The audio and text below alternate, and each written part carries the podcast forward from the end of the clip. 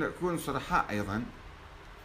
توجد في الثقافة الشيعية بعض المخلفات من القضايا من الخلافات السياسية القديمة.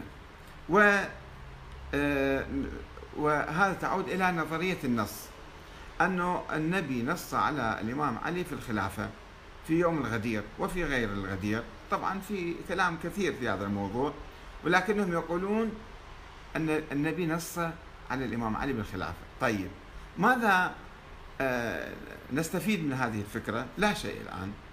أئمة أهل البيت نعظمهم ونجلهم ونقدرهم ونحترمهم ونسير على خطهم. عندهم خط مميز في التاريخ الإسلامي في مقابل الخط الأموي خط الثورة والعدل والمساواة وإحقاق الحق. هذا خط أهل البيت. وجوهر مذهب أهل البيت الذي يجب أن نتمسك به الآن نحن. سواء كانوا منصوص عليهم أو غير منصوص منصوص عليهم. لا يهمنا شيء.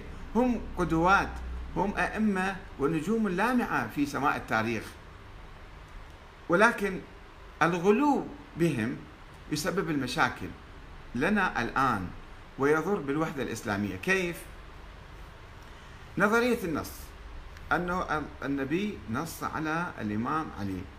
والآخرون طيب كيف آه، أبو بكر جاء مثلا أصبح خليفة وعمر وعثمان يقولون نظرية النص تقتضي هذا الشيء أنه آه، هؤلاء اغتصبوا الخلافة وانقلبوا على الإمام علي. مجرد كلام تاريخي ولكنه ماذا يترك آثار نفسية سلبية في نفوسنا؟ نحن نعظم الإمام علي ونحب الإمام علي. وعندما نسمع واحد أحدا يقول بأن هؤلاء الصحابة آه، انقلبوا على الإمام علي واغتصبوا حقه بالخلافة.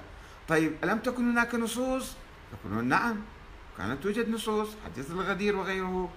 طيب هؤلاء الصحابة لم يسمعوا حديث الغدير لم يعرفوا حديث الغدير يقولون نعم عرفوا ولكنهم ارتدوا ولكنهم انقلبوا ولكنهم نافقوا ولكنهم تركوا هذا الحديث. هذا الجدل الطائفي العقيم يسبب لنا أو لبعض الناس المتشددين المتطرفين أن يقولون هؤلاء لم يكونوا مؤمنين.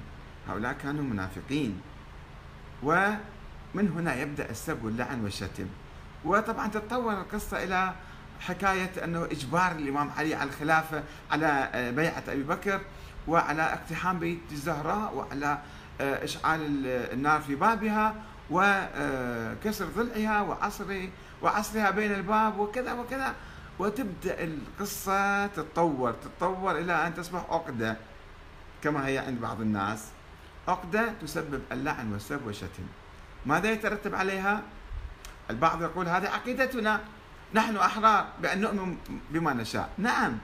ولكن أنت عندما تغالي وتتطرف وتقوم باللعن والسب والشتم مثل هذا السبع اللعان اللي قاعد في لندن.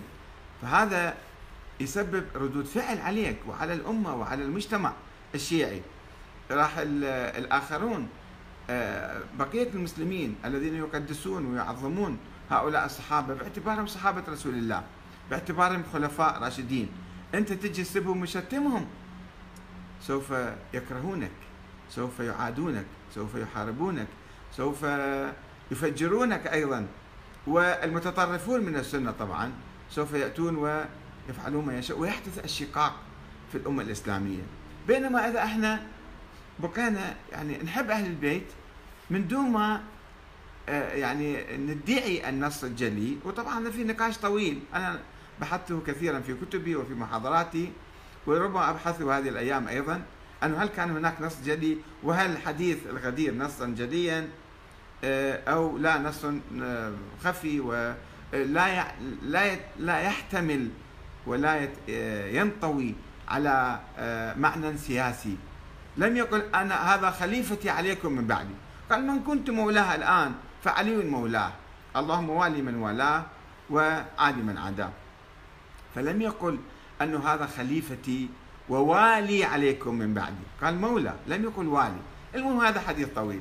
بس النتيجة التي نستفيد منها عندما نكون معتدلين في حب الله لأهل البيت ونحن لا ننتقص أي شيء من أهل البيت وإنما كلهم على رأسنا ونحبهم ونعظمهم ونجلهم وتربينا على حبهم ومحبتهم والآن هم ليسوا موجودين حتى نواليهم سياسيا. إنما مثلا مجرد مسائل فقهية واردتنا عنهم. بعض المسائل الفقهية والخط السياسي. الخط السياسي لأهل البيت كون للظالم خصما وللمظلوم عونا. هذا الخط إحنا تاركيه عامة الشيعة اليوم. مو عامة لا أقول عامة الشيعة ولكن بعض الناس. تاركين هذا الخط لا ينصرون المظلومين ولا يعادون الظالمين يرحبون بالاحتلال مثلا ولا يهتمون بمقاومة الاحتلال. بعض الناس ويتمسكون بهذا الحديث على أنه هذا عيد. نريد أن نحول يوم الغدير إلى عيد. وهي الأعياد بالإسلام عيدين فقط عندنا. عيد الفطر وعيد آه، الأضحى. ولا يوجد شيء اسمه عيد الغدير. لا, لا النبي صرح به ولا أهل البيت قالوا ذلك. إنما أحاديث مكذوبة عليهم طبعا.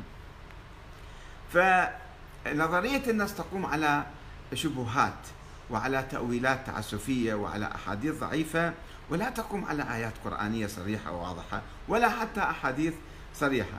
وقد تجاوزها الزمن وهي غير موجودة حاليا ولا يمكن تفعيلها أو تطبيقها هذه الأيام. أنه النص على الأئمة هؤلاء على الإمام علي والأئمة من بعده هم كلهم مو موجودين من 1200 300 سنة آه، يعني انتقلوا إلى رحمة الله. فأصبحت عقيدة بلا معنى. أصبحت عقدة في العلاقات السنية الشيعية ونحن بحاجة إلى أن نتجاوز هذه العقدة وحتى آه، لا نثير الخلافات الطائفية.